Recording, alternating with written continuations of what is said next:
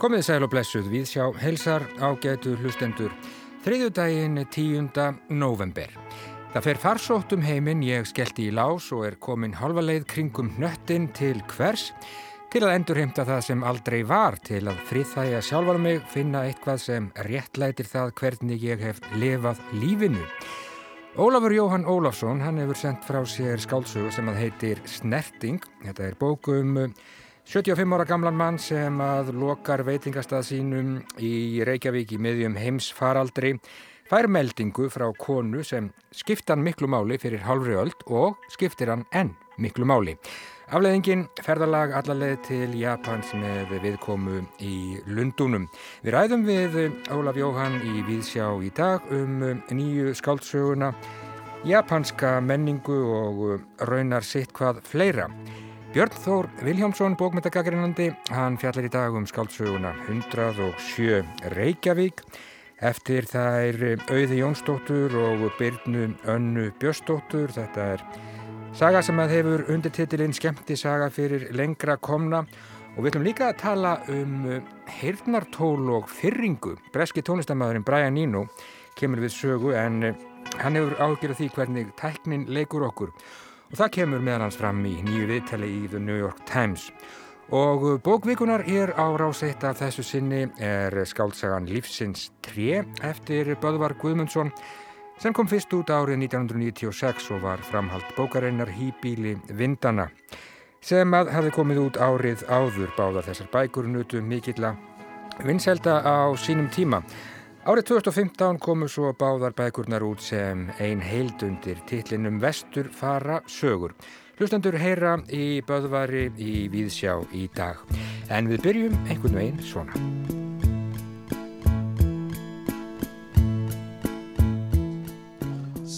Þegar breski tónlistamæðurinn Brian Eno sá Vasa Disco Volkmann í fyrsta skipti mann raunar tónskáld lappa niður götu í New York borg í upphafi nýjunda áratugurins með Vasa Disco. Mann eftir því að það var hugsað mikið er þetta heimskuleg hugmynd þetta á ekki eftir að endast. Og hann spurði sjálfa sig því óskupunum mætti maður að vilja ganga niður götu í borg án þess að heyra götu hljóðin, skarkalan, umferðar niðin Brian Eno, þessi meistari ambient tónlistarinnar, meistari andrumsloftsins, gata engan veginn skilið því óskopunum fólk myndi vilja vera með eitthvað í eirónum, aðleitt í sínum heimi og gungu eftir fjölfærinni götu en um margt fólk og missa um leið af lífinu allt í kringum það. Eno segir frá þessu í nýlegu viðtali í The New York Times til efnið er væntanlega útgáfa á kvikmyndatónlist Lögum fyrir kvikmyndir alls 17 talsins sem hann hefur samið í gegnum tíðina á árunum 1976 til 2020 á meðal kvikmynda þar sem tónlist Ínós kemur við sögum á nefna Married to the Mob eftir bandaríska leikstjóran Jonathan Demme og Dune eftir David Lynch og eitthvað sé nefnt. Og Ínó fer lengra með þetta með vasadiskoði sem síðan hefur auðvitað breyst í eitthvað allt annað og auðvitað breyðst út um allt. Hann segir sjálfur ekki þóla að ganga um með heyrnartól. Heyrnartólinn gera að hans mati ekki annað en það að einangra hann frá heiminum og hann segir að ný tekni sem fram hafi komið allt frá því á fyrirluta nýjunda áratugurins hafi leitt til aukinar einangrunar og einstaklingsvæðingar, jáfnvel fyrringar. Hún hafi tilneyingu til að einangra einstaklingin frá öðru fólki, gera hún kleft að halda sig bara sæll og gladur í sínum prívat heimi. Og hann segir að stór hluti af því markáttaða klúðri sem við stöndum framið fyrir í heiminum og samtímanum í dag á hennum ymsu sviðum stafi ekki síst nákanlega af þessu áherslan sé öll á einstaklingin en ekki samfélagið. Og þar skipta samfélagsmiðlar auðvitað ekki litlu máli eins og Brian Eno bendir á. Þar bóluna sjálfin út í hið óendanlega og einstaklingurinn og öll hans einkenni eru gjörsamlega í forgrunni þar fróar sér hver sem betur getur og samfélagin sem verði til þar séu af lokuð óaðgengi leg.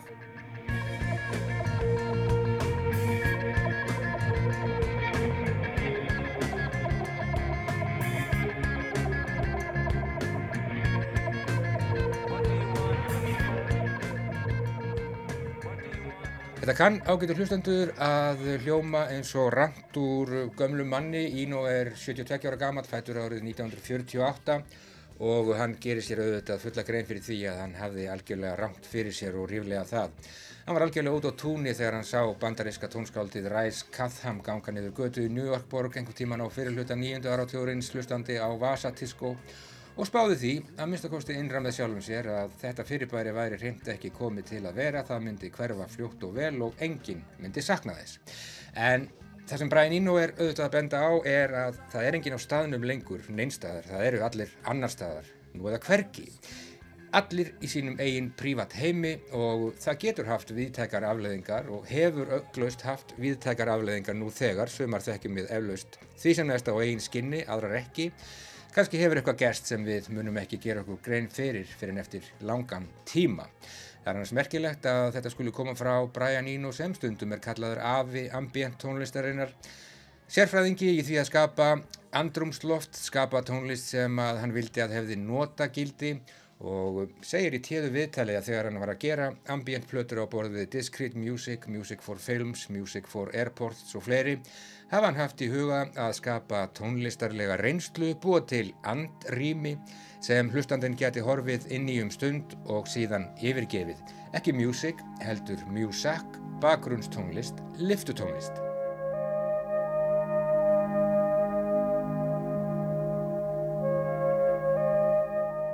En eh, einhvern veginn ímyndaði mér án þess að ég hafi beinleinis prófað það svo ég muni til að það geti verið gaman að ganga niður götu í New York eða Bombay eða Paris með hágeða hirnartól og hlusta til dæmis á áður nefnda plötu Discrete Music nú eða Another Green World eða Before and After Science, allt plötur með Brian Eno og allt plötur sem breyta upplifun hlustandans á umhverfi sínu magna það upp nú eða segða hennin í áður óþekkt ríki sem hann vil helst ekki yfirgefa að minnstakosti ekki alveg strax og hefur alls enga þörf fyrir að deila með öðrum en sjálfum sér.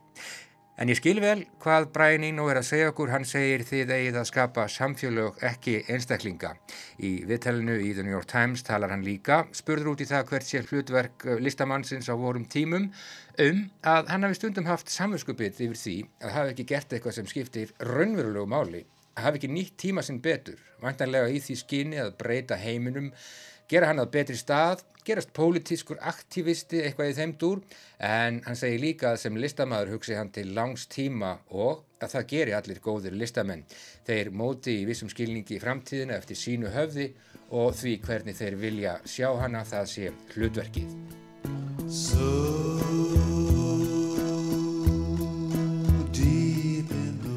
Ég veit ekki ágættu hlustendur en þetta eru allt í lagi hugleðingar hjá Brian Eno og þegar hann talar já þá er hlustað. En kannski er millivegurinn mögulegur að hlusta á Music for Films innan um fólk á gödum stórborga, fólk sem kemur og fer. Og um, skiptir því kannski ekki svo íkja miklu máli en vera svo algjörlega til staðar þar og þegar það á við innan um fólk sem skiptir okkur reglulegu máli og á inni hjá okkur kröfu um raunverulega nærveru.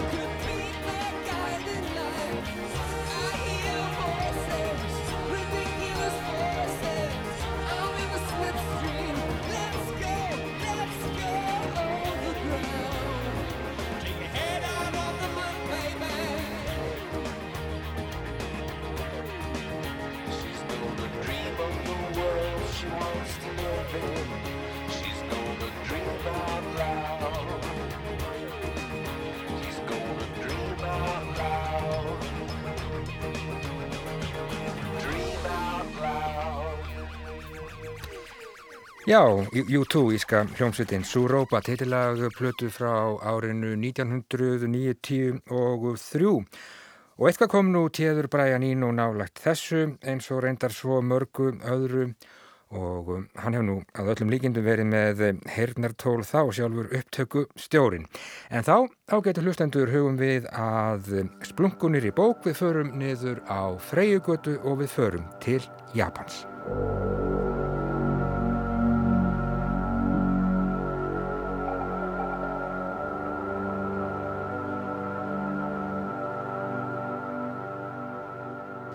Ég sest aftur, tegið mig í blómundin sem hefur einhvern veginn skroppið saman og samsvara sér ekki lengur eins og ég hefði talið mér trúum heldur virðist þegar farin að vissna í hitanum.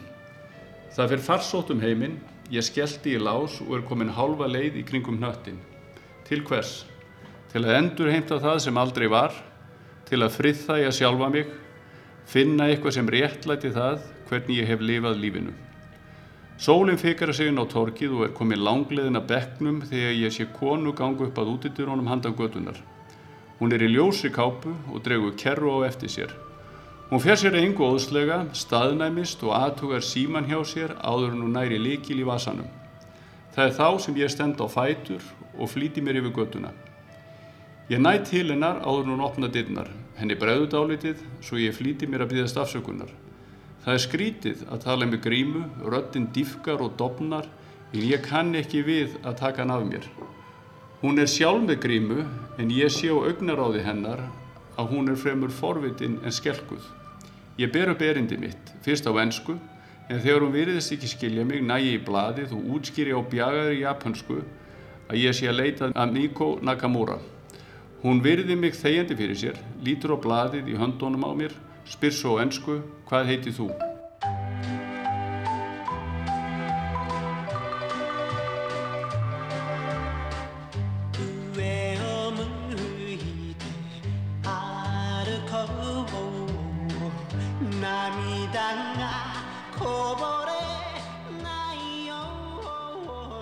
Já, ég komi hérna inn á Gabl á Freyjugötu í Reykjavík. Þar sittur Ólafur Jóhann Ólafsson, réttugundur. Hann var að senda frá sig skálsögu sem að heitir Snerting.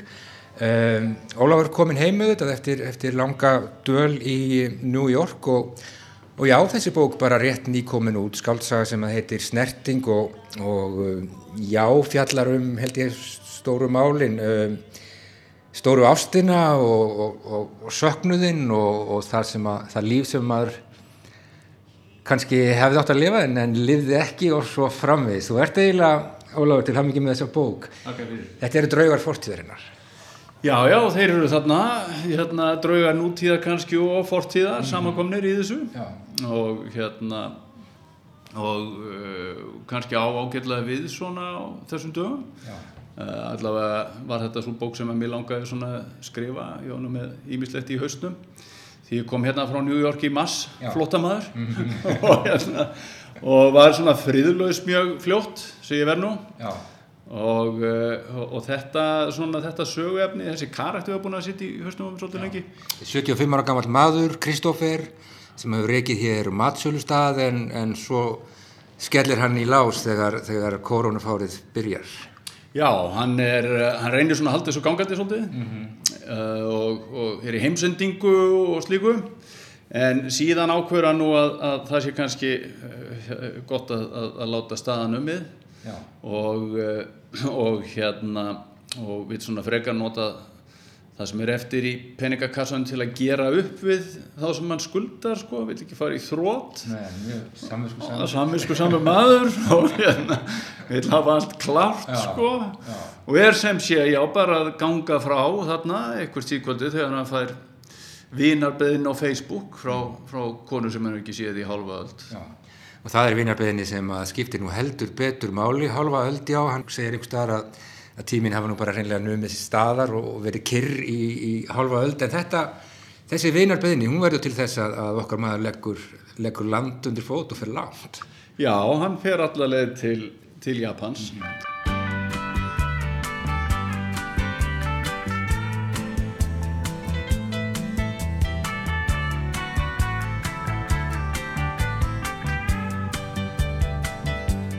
Í fyrsta skipt sem ég skrifa bók alveg í núinu. Ég byrja sem sé þarna í mass bara því ég er komin heim. Mm.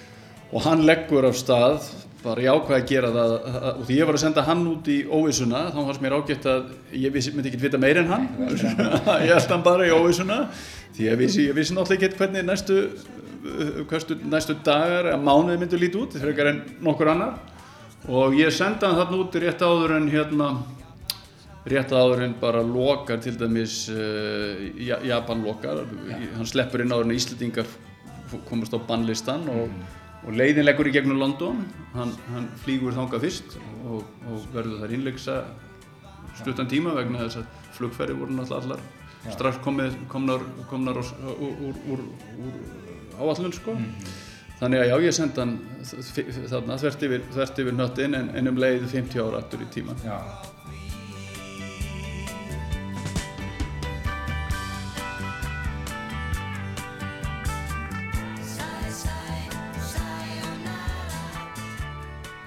Og Lundónur hann á náttúrulega sögu þaðan, þar kynnist hann þessari konu sem að sendir honum þessi skilabóð og þar stundaði hann nám í London School of Economics en gaf hagfræðina upp á bátinn, fannst hún of varmáttug og ekki kannski í hans anda hafandi kannski illan byggur á þjóðskipulæðinu þá og sem hefur kannski ekki mikið breyst síðan. En þetta er á tímum stúdenta uppröstnar í, í, í Lundunum og hann fer svolítið inn í það Já, hann er þarna og það var, ég nota svona uppreysnirnar og, og það er áttu sér stað akkurat þarna í London School of Economics á, á þessum árum og ég lætti hann taka þátt í þeim mm. og uh, eins og þú segir, hann, hann hérna, hann hættir áður en hann útskrifast mm -hmm. og fyrir tilvíljunegilega, kannski dálítilli uppreysn, þá endar hann í uppvaski á ja. japanskum matsölustad mm -hmm og, og það verður hans eftir ríft fyrir hann. Já, einmitt. Þú náttúrulega lýsir þessu sambandi, ég ætla nú ekki að segja of mikið Ólafur fyrir þá sem ég eftir að eftir að lesa bókina. En allavega þetta er, uh, þetta er ástarsaga um, svolítið stór ástarsaga og þetta uh, pínliti harmræn og, og það kemur ljós að, að já til dæmis þessi kona hún á sér hansi merkilega sögu og þú tekur svona skulum ekki segja á mikið en þú tekur heimsögulega viðbörði inn í þetta ekki bara stúdentaðapressina heldur líka uh, alveg aftur í, í setna stríð.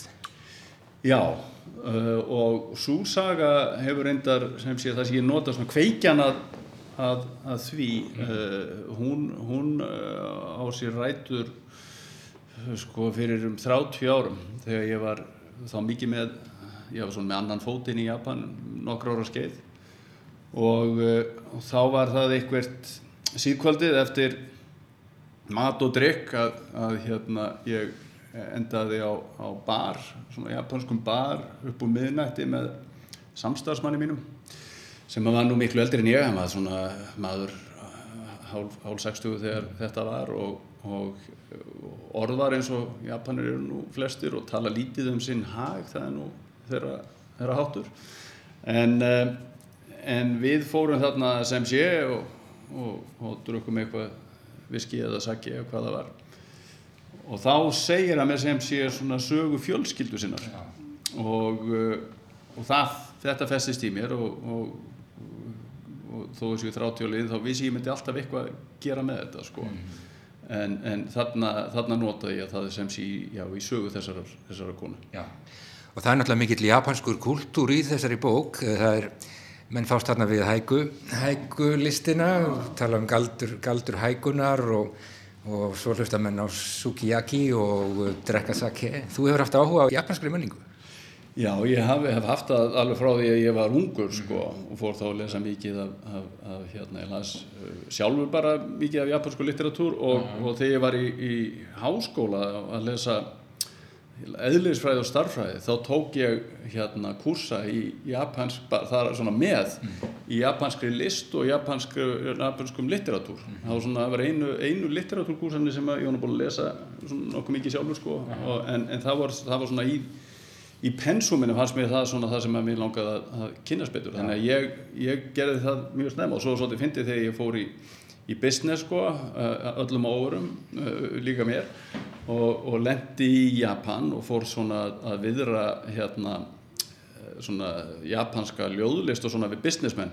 Þá komuðu nú flestir af fjöllum sko þannig að þetta nú, þetta nú ekki það var ekki sérstaklega góður undirbúningur sko.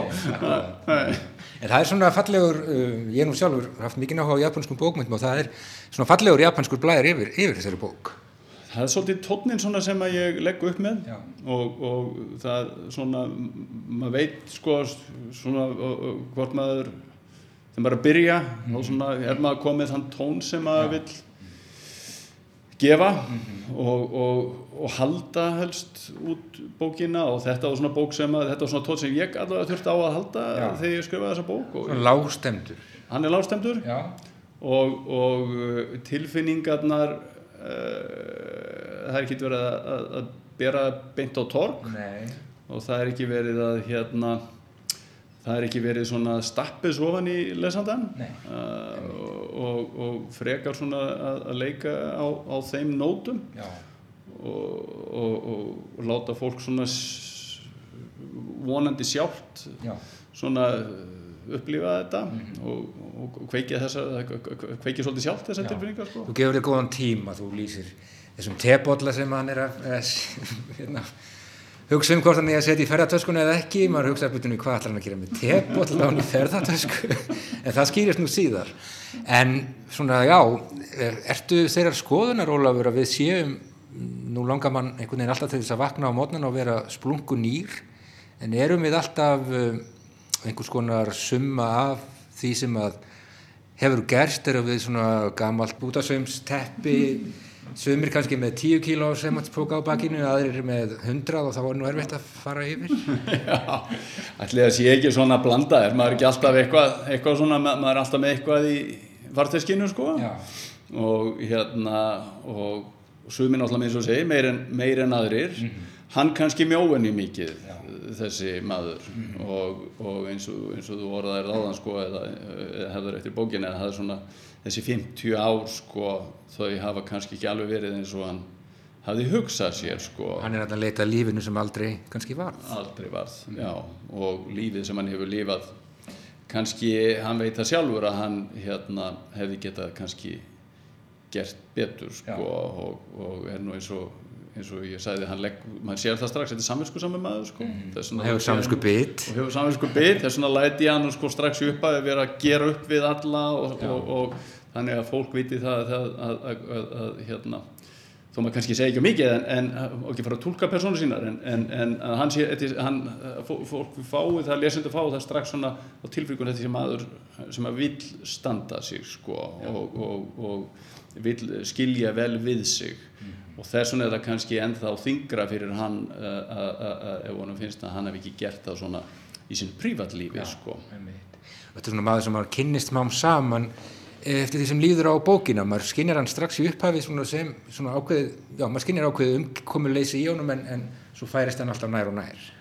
Já, uh, svona uh, ég, ég, vildi, ég vildi svona lesandi fengi að svona smám saman og bæði, bæði að hann væri nú ekkert að hann er svolítið japansku kannski. Hann er ekkert sjálfur að sína sko strax inn í einstu kema sálarinnar og svo náttúrulega líka það er uh, ég þykir gaman að fyrstu persónu frásögn oft sko því að hverju er að treysta og hverju ekki sko sem að sögumöðu segir. Það er þetta leika sér, leika sér með þetta. Þó hann sé ekki að skrökva þá er það nú yfirleitt þannig með fólk að það er kannski ekki það er kannski ekki sérlega ágengt alltaf við sjálft sig sko. Það er hérna heldur svona kemur þetta fram það þarf svolítið tala um bútasöm það þarf svolítið svona púsla þessu sama kannski til þess að fá heldamind af svona af því sem um er að vera í kollinum á honum sko. Ég var nokkuð tala um hérna Hibakusa Valla er það? Láta það vera. Er það ekki? Já, algjörlega. Svona fyrir þá sem við ættir að lesa? Já, já. En þú, þú byggir þetta þannig upp að þú flakkar á milli eh, staða, við erum í Reykjavík og við erum í Lundunum og við erum í, í Tókjó og víðar í Japan og flakkar líka fram og tilbaka í, í, í tíma og ræða þessu þannig upp. Já, þetta er svona eh, fléttast saman og, og ég nota ferðalagi svona sem bæði í tíma og rúmi sko að þegar hann fer hérðan til Lundúna og þaðan til Japans að, að, að þá komi fortíðin svona inn í þetta. En um leið er hann náttúrulega sko hann hefur og ég ákvaða að láta hann ferðast einan er, hún rann hann sér vel í, þegar var að skrifa þessi bók. Það var bara einu sem ég þurfti einu sem ég, stald, ég strandaði ekkert. Það var bara einu sem ég þurfti svona að staldra við og henda nokkrum blaðsvíðum það var þegar eh, hérna, hann var komið til Lundun og ég ætlaði að láta hann fá hérna, svona kompani þar svolítið en svo hendi ég því strax og sagði nei, hann verður að, hann verður að vera einn á þessari ferðsynni með bara því sem er í kollinum á hann sko, minningunum og, og svona því sem að svona hans lífi á Íslandi eftir að hann kom frá Lundunum og, og þessi 50 ár sko og, og, og, og þannig að það svona þetta tvinnast saman uh, svona hans uh, þetta er að kalla uppgjör uh, við, við svona sitt líf hér. Já. Og við fjölskyldu sína og, og svo líka náttúrulega stór, stóru ástina þarna sem hann, hann fyrir loks að hitta eftir 50 ár. Já, og kom í veg fyrir hansi margt, fyrir mikið nánar út í það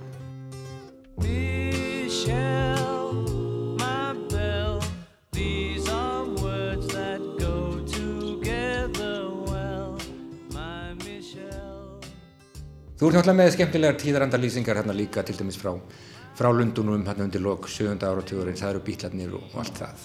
Já, ég er svolítið býja því sko að, að, bróður minn sem er 19 árum eldri en ég, hann var að læra uh, einmitt í, í hérna í uh, Brellandi, á Brellandi á þessum tíma fyrst í Wales og síðan í Liverpool sem að bílarnir voru og þegar ég var pjakkur þá var hann að koma með bílaplutur heim í frí þannig að þessi tími hefur verið kannski svona hans í nærmjör sko alla, alla, alla þennan bara frá því ég var krakki sko, bara fjögra, fimm ára, sex ára sko, þá man ég að maður lága maganum og hlustuðum á, á nýja bílaplötur. Þarna er Michelle og Norwegian Wood held ég líka Já. og lag sem er nú pínutið japanst í Júlia. Já, sem að skrifa um mamma sína Já. og er ansi fallegt sko og það var einmitt sko þegar þetta var að púsla saman þessi bók, það var þessi sagði þarna frá Japan og, og, og það var, ég, þessi karætt sem ég er búin að ganga með sem ég vil að sé að loka sem sé veitingastað. Reykjavíkinn það ég er búin að ganga með þennan kall í höstnum svolítið sko og, og síðan gerist það að dótti mín 16 ára hlusta á bílana og það er akkurat þetta lag sko, Julia. Þá svona fór þetta, fór þetta svona, svona, að renna saman svona í einhverju sögu. Var vel heima í, í þessari sögu, en þú sem sagt kemur, kemur heim og verður friðlaus í, í mars og skrifar þessa bók sem heitir, heitir Snerting og já, snertir á ansi mörgu, bæði okkar samtíma og, og bara, já, nýliðinni sögu getur þið sagt, en ómöld að yfirgefa þig, Ólafur, að spyrja þig hvernig, hvernig það sé að vera komin heim, er þetta, er þetta sjokk, er vond að vakna ekki lengur á mótnana og fara í vinnuna og horfa yfir Central Park eða spila fótbolta upp á húsdagi?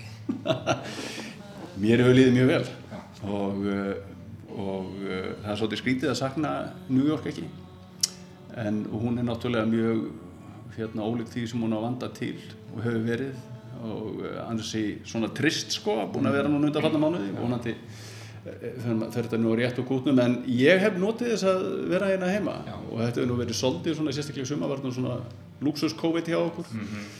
En uh, ég fór nú að gera grína því við, við hérna, dóttur mína sem að er búin að vera hér í fjarnámi út sko allan tíman en, en fekk að taka, taka eitt kurs í MR svona, þannig hún kynntist nú einhverjum krökkum. Hefur náttúrulega lendi í fjarnámi þar þegar ég var að lappa með henni þá sagði ég eitthvað á það leið þegar hérna, við fórum þarna saman nýrið til fyrst að hérna, mér finnist ég bara að vera eins og ég væri hérna, kannski að koma aftur eftir smá smá út út úr svona þegar ég fór að lappa þessar götur þarna sko, smá pásu. sko, smá pásu mm -hmm. sko.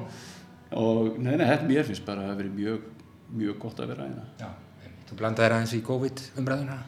Já, aðeins ég er nú ekki vanuð því sko að vera hérna, skipta mér af sko. En mér fannst að vera á þeim tímabúndi þá finnst mér svona kannski allt í lagi láti í sig reyða Nákvæmlega, látum það verða að loka orðin Ólafur Jóhann Ólafsson, ég segi bara aftur til hamingju með um, þessa fínu skálsugur snertingu og, og það er alveg ótt að hvetja hlustendur vísjár til þess að lesa þessa bók. Takk fyrir að taka á móti mér hér við Freyjugutuna, takk fyrir spjallið og gangið allt í hæg. Takk. Takk að ég sem er leiðis.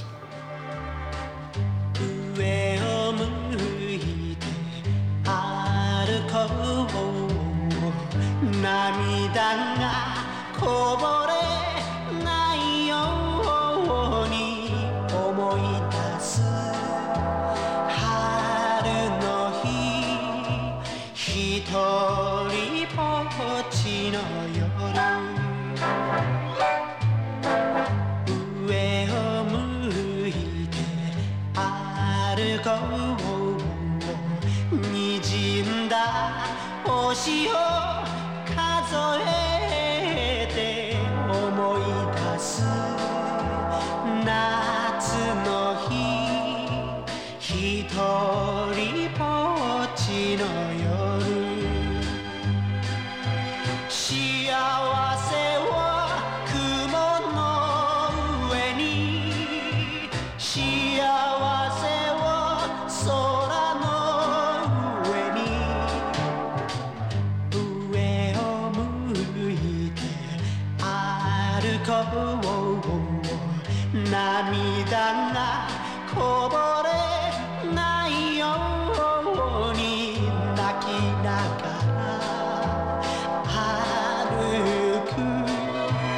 Quito.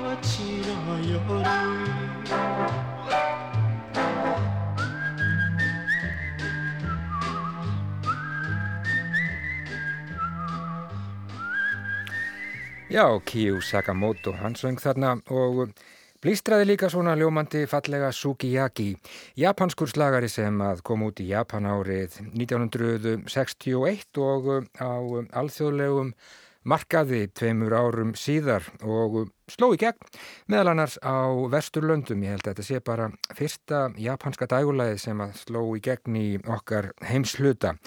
Lag sem að kemur lítilega við sögu í skálsögunni Snertingu eftir Ólaf Jóhann Ólafsson. Á gunguminni líti ég upp og tel stjörnurnar með tárvotum augum er sungið þarna hamingjuna er að finna handan skýja og svo framvegis. Bók Ólafs fjallar auðvitað um hamingjuna sem að ekki endist og já, lífið eins og það hefði mögulega getað orðið. En þá ágetur hlustendur snúum við okkur að bók Vikunar sem að þessu sinni er Lífsins 3 eftir Böðvar Guðmundsson, bók sem kom fyrst út árið 1996 og var framhald bókarinnar Hýbíl í vindana sem að hefði komið út árið áður. Árið 2015 komu svo báðar bækurnar út sem ein heild undir titlinum Vestur fara sögur. Þetta eru skáldsögur sem að nutu mikilla vinselda á sínum tíma slóu einlega í gegn. Jórun Sigurðardóttir, hún er umsjónarmaður bókar vikunar af þessu sinni og hún sló á þráðin til Danmerkur þar sem höfundurinn Böðvar Guðmundsson býr. Bækurnar sem verður kallaðar vesturfara sögurnar þar sé að lífsins því og hýmbilu vindana er urðu til sem eitt verk ég skrifaði þetta sem langa skáldsögu fyrst og það var svo liðis að að útgefandi minn hann syndist þetta var allt og mikið fyrir einu skáldsögu það er alveg urður tvær Var þetta erfitt? Hvernig kom þetta til? Það kom nú til eh, þannig eins og ég hef áður sagt einhver staðar að ég var þarna fyrir vestan að kenna íslenskar bókmyndir og e, það var sömartími og e, þetta var líklega 1990 og 3 og þá bor ég að fá áhuga á þessum vestur íslensku ferðarlögum og, og, og arlögum þar. Og, eiginlega var það fyrst og fremst það sem að kveikti í mér en svona slega þegar ég fór að vinna í þessu þá kom ímestett fleira skemmtilegt og, og fallegt og all, alls slags hluti sem kom í ljós. En þú þekktir til heimilda. Það voru til þessi bref og þessi tengsl í þinni fjölskyld og svona. Já, það voru það, það voru það. Því að e, þetta voru ættingjar þauður minn sem að flustu þarna vestur og þau heldu e, mikill drigð við e, pappa. Og það var gott samband þar á milli og, og brefað samband. En það var nú lítill á því hjá mér þá sem strafklingur að, að fylgjast með þessu en en hann kom setna.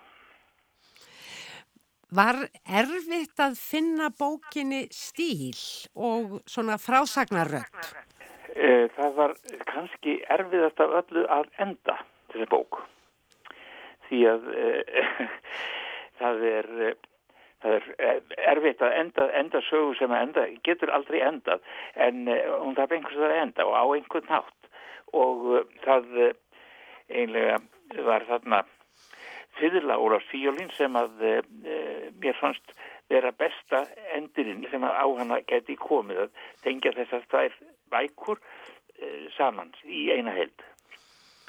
Að sögumadur kæmist yfir feiluna. Já, heyrðið hefurna leikna af uh, frænda sínum. Kom þetta fljótt með þessa sögumannsrödd? Þennan afkomanda, þennan viðförla mann á vegum listarinnar. In, já, ge- mér fannst ekki vera hægt að segja þessa uh, sögu öðruvísi heldur en að hafa þarna einhvern millimann á milli mín og, og sögupersonuna. Því að náttúrulega ég tekti þetta fólk fyrst og fremst allt af, af uh, öðru umdali. Þú lést sem sagt sögumann svo litið segja þér böðvari söguna. Já, hann segir dóttur sinni lítilli þessu sögu. Þú lítur nú að hafa líka pælt í byggingu sögunar, þetta eru, eru urmull af personum, þær heita margar sömu nöfnum og þú hjálpar okkur lesendum með því að spegla hlutina hverja í öðrum og hafa svona ákveðna þræði gegnum gangandi eins og til dæmis Fiðlan, Já, Jökulsáin, Heiðin. jú, jú. Og, og þegar kemur vestur, þá er það náttúrulega fyrst og fremst saga einstaklinga. Þá þarf helst, þá þurfti ég einn einstakling sem að færði söguna saman og það var e, þá eftir að Ólafur Fíolín róðin gafall maður, þá er það svonur hans sem að er, er nú hálgerður auðli. Á hans er sögulega fyrirmynd, Duffrin litli. Það, það var yngsta barn uh, langafa míns sem að er fyrirmyndin að, að Jens Dufrin. Hann lærði nú aldrei að lesa en hann vann fyrir sér sem göttusópari og myndið þess sem hann drakk allt út. Þú hefur kallað þetta sögulega skáldsögu uh, Já. og vissulega er sögulegum staðrendum haldið vel til haga og ákveðnum sögulegum personum. En fyrst og fremst er þetta skáldsaga. Já, já, þetta er skáldslega. En uh, það er sem sagt uh, fyllt þarna sögu þráðum ímis fólks sem eru réttir. En það er ekki farið al alveg rétt með staðrendir. Til dæmis langaði minn, hann bjóð þarna í, eh, í koti á Reykjólslandi. Það kot sem átt hér Háfur og uh, hann bjóð þar smá tíma, nokkur ár. En ég læti hann búa lengur þar, uh, áður en hann fer vestur. Langaði minn fór vestur þaðan. Svo er mjög skemmtilegt hvernig tukthúsvist fá einna persóna og samskiptin við yfirvöld í tukthúsinu speglast í báðum bókonum með þeim hætti að báðir fá að kynnast hæfileikum sínum og þroska þá við þessa tukthúsvist. Já, það er, eh, það er alveg rétt. Var þetta skemmtilegt verkefni eða varstu stundum við það að gefast upp? Nei, nei, þetta er alltaf skemmtilegt. Alltaf gaman að glíma þetta verkefni. Nú er þetta eiginlega svona fyrsta bókin um Íslandinga Vestanhafs sem að nær svona máli hér heima. Akkur er þurft að líða svona langur tími þar til landar okkar og ættingar sem að fóru vestur komust undan þjóðnýðingstimplinum. Ég held nú að það hefur fyrst og fremst verið vegna þess að þjóðnýðingsstimpillin hann var svolítið mikið á uh, personum þess fyrirverandi sagna. Uh, ekki hjá öllum en til dæmis uh, voru vestur íslenskir höfundar.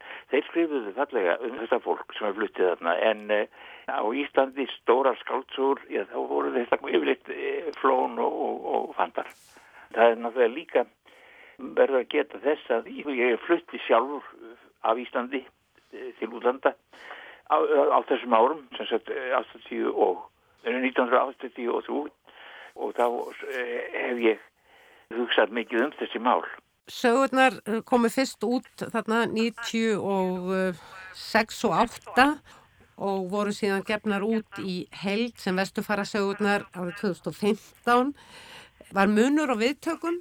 Uh, nei, með þú að segja að það var, það var hérna bókmenta elítan, hún uh, var búin að lesa 2015.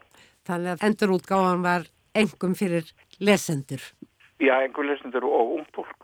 En við ætlum að fjalla um engum um lífsins tré en þetta báðar Já. bækurnar í, í þættunum bókveikunar á sunnudagins og ég vil nú bara lokum segja Böðvar Gumundsson takk fyrir vesturfara sögurnar. Það er það góður. Sisturnar Wamba og Tromba Æsland voru fættar og uppaldar í borginni Duluth við vesturtótu Superior vatns. Dulu kölluðu Íslendingar hana forðum á leiðsynni vestur til Nýja Íslands. Um Duluborg lág forðum leið margra innflytjenda og sömur þeirra komast aldrei lengra. Þannig var um foreldra sistranna Salvuru Jónsdóttur og Svein Sveinsson frá Vapnafyrði. Höstið 1882 voru þau á vesturleið á flótta eftir einhvert snjóð þingsta og versta hafís vetur 19. aldar. Í dölu var þá fyrir hópurinn okkur að ráðviltra Íslendinga sem höfðu sanspurt frá nýja Íslandi að þar veri lít betra undir bú en á gamla Íslandi. Fréttirnar um akkurmoldina frjóu í Dakota voru ekki komnar til dölu, svo Sveit Sveinsson taldi óráðlegt að halda lengra vestur að sinni. Hann kom konu sinni sem komin var nær falli fyrir í höndum góðs fólks og munstraðist sjálfur á stafnhýling en það vanur sjóvolki. Í vetrarbyrjun fætti svo Salfur, tvíburasistur, smáar og næstatur meðþóttista klerkur Jóstar Vatni og gaf þeim nöfnin Valgerður og Katrín. Þær voru í öllu velsköpuð börn, komu fljótt fyrir sig fótum og voru fljóttar að læra að lesa og draga til stafs. En líkams vöxtur þeirra gekk hægt. Þær voru ekki dvergvaksnar á þann hátt að hlutvöld líkamans væru raung, höfuðu stórt og aflagað og líkaminn lítur. Þær voru vel límaðar en heldur ófríðar í andliti, dökkar og hár og hörund og móleitar í augum. Þær eruðu aldrei hærri en fjögur fet og tveir þumlungar, eða nála 135 cm. Sökum smæðar sinnar sættu þeirra aðkasti annara barna. Í barnaskóla methodista í Dulu sköruðu þær fram úr öðrum börnum hvað bóklegar greinar snerti og þær læriðu fljótt að standa saman sem ein kona móti margnum. Þær eruðu að lokum gjafvaksta megar en engin vestan vatnana miklu var til að byggja um hönd og hjarta þeirra valgerðar og Katrínar. Þar vildu bændur eiga stórar konur og sterklegar sem getu jamt alið hrausta síni og stýrt plógi. Um tvítugt voru þær enn heimasætur í húsi slítinna og bitur af foreldra sem letu þær óspart heyra að þær eru þeim lítil stóð í ellinni. Já, Böðvar Guðmundsson rítufundur las hér uh, brot úr bóksinni Lífsins 3 sem að er bókvikunar hér á ráseittað þessu sinni. Upptakan fengin úr þættinum við flóðgáttina frá árinu 1990 og 6. Áður var rætt við Böðvar um bókina um sjónarmadur þáttar eins bókvikunar á sunnudag er Jórun Sigurdardóttir og viðmælendur hennar í þættinum verða þau Guðrún Björk Guðsteinsdóttir Profesor í ennskum bókmyndum við Háskóla Íslands og Viðar Hreinsson, réttöfundur og bókmyndafræðingur. Og við höldum okkur við bækur, snúum okkur aftur að nýjum bókum að nýjútkominni skáldsögu sem að nefnist 107 Reykjavík. Þetta er samtíma saga sem að hefur undir titilinn skemmtisaga fyrir lengra komna höfundar. Eru þær Auður Jónsdóttir og Birna Anna Björstóttir. Björn Þór Viljámsson, bókmyndagagreinandi, hann er búin að lesa og við skulum heyra hvað honum býr í brjósti og hvað hann hefur að segja. Það hvað vera fallegt í Kína, keisarans Hallir skína, en er nokkuð indislegra en vorkvöld í vesturbænum, er spurt í ljóðinu. Og svo bætt við að jafnvel andværin hægja á sér á þessu dýrlega svæði og ástfangin jörðin fari hjá sér. Líkt og segja má að titillin beri með sér með nokkuð skýrum hætti þá er vesturbærin einmitt sögusvið skáldsögunar 107 Reykjavík eftir auði Jónsdóttur og Byrnu Önnu Björsdóttur. Og undirtitillin gefur enn frekar í vísmendingar um hvers eðlis verkið sé, skemmtisaga fyrir lengra komna. Nú er erfitt að ímynda sér hvernig postnúmeraskaldsaga geti mögulega komið í heiminn hér á landi án þess að kalla fram hugreiningatengsl við 101 Reykjavík eftir Hallgrím Helgason. Í senn nútíma klassík og minnisvarða í bókmentaformi um dýrðardagana þegar Baltasar átti kaffibarinn sem þá var svo agnar lítill að aðeins rúmuðustar stórar sálir og miklir popparar og partíð byrjaði á 50. kvöldi og stendur enn. Áhrifin fundust jafnvel í raunheimum. Það var bók Hallgríms og svo kvikmynd Baltasars nokkru síðar sem sviftu femnis hjúpnum í burtu og festu þá gölnu hugmynd í sessi að djammið í Reykjavík væri svalt. Fjórum árum eftir útkomu 101 Reykjavíkur kom önnur bók út um sumt ekki ósvipuð nema fyrir það að strákastemmingin í bók Hallgríms vek þarna fyrir ungum konum sem komu sér fyrir í miðju frásagnarinnar.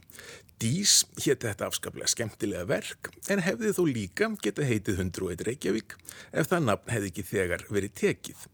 Höfundar hennar voru þrýr, Otni Sturldudóttir, Silja Högstóttir og Birna Anna Björstóttir annar höfunda 107 Reykjavíkur. En hvort það er ekki einmitt skrifað í stjórnurnar að örlug Reykjavíkur hipstersins eru ákvæmt þau að hefja leika og hlaupa af sér hornin í karnívalinu í 101 en flytja sig svo um set í 107 þegar alvara lífsins tekur að gera vart við sig. Helsta sögupersonan í 107 Reykjavík er Hallgerður, kvóta ungi á 50-aldri sem býr við ægisíðuna og rekur þar enskan pub sem er í senn félagslegar höfuðstöðvar Hallgerðar og rekstrar og rýmisleg raungerfing hugmynda um siðmenningarlega yfirburði Breitlands og Lundunaborgar sem og aðdráttarafl raunveruleika þáttarins sem kendur er við bresku konungsfjölskylduna. En allt eru þetta sannindi sem hafinn eru yfir vafa í huga Hallgerðar og eins og til að heðra heimsveldis fantasíur hennar dúkar alvöru Jarl upp áður en langt um líður sem mögulegt ástarfiðfang. Jarl segi ég og meina endur völl vaksin upp úr Deimon Albarn. Meðan Hallgerður finnur Breitlandsblæti sínu bókstaflegan farveg í enska pöpnum gera höfundar sér leikað vesturbæjarblætinu sem vissulega er raunverulegur hlutur og lífsegur í borgarmenningunni. Við höfum séð fræðarsól annara borgarkverfa, Rísa og Nýga, Laugarásinn, Arnarnesið, Þingholtin, en alltaf hefur þetta kjörlendi aðtapnamanna, listamanna, háskólaborgara og þeirra sem eitt sinn kölluðust embættismenn haldi taki sínu á ímyndunarafli ákveðins hluta borgarbúa, jafnvel í gegnum loðnudögn fyrir tíðar. Alveg eins og höfundar hafa komist að niðurstuðum virkar 107 Reykjavík því príðilega sem stökkpallur í háðus ádeilu. Það er hins vegar dálítið eins og ekki sé alveg ljóst að hverju háðs ádeilan eigi að beinast. Vissulega er skondin mynd dreyin upp af því hvernig sómar Íslands, sverð og skildir, sapnast þarna saman, útvarpskáld, aðtapnaskáld og leiðandi ljós í listaheiminum eru eins og leikmunir sem raðast niður í leikmyndina til að staðfesta vesturbæjarleika sögusviðsins. Þannig er einmitt gísli Marteinn að lappa með tinnu.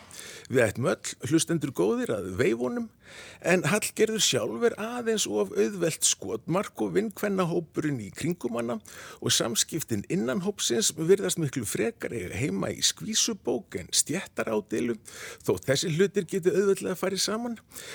Raunar er 107 Reykjavík dálítið eins og afkvæmi skvísubókmenta og ærslagamanleiksins og nú veit ég að það út af fyrir sig hljómar bísna vel en útkoman að þessu sinni stendur ekki alveg undir væntingum. Öðrum þræði er dreyin upp mynd af lífheimi kvenna millir færtugs og fymtugs, bæði giftra og einhleipra sem ráða þurfa fram úr hinnum ímsustu veruleika tengdu málum og vandamálum. Fjallaður um áhugamáli þeirra og í sjónmáli eru snjaltæki, tíska og född, líkamar, kampavín og kynlíf.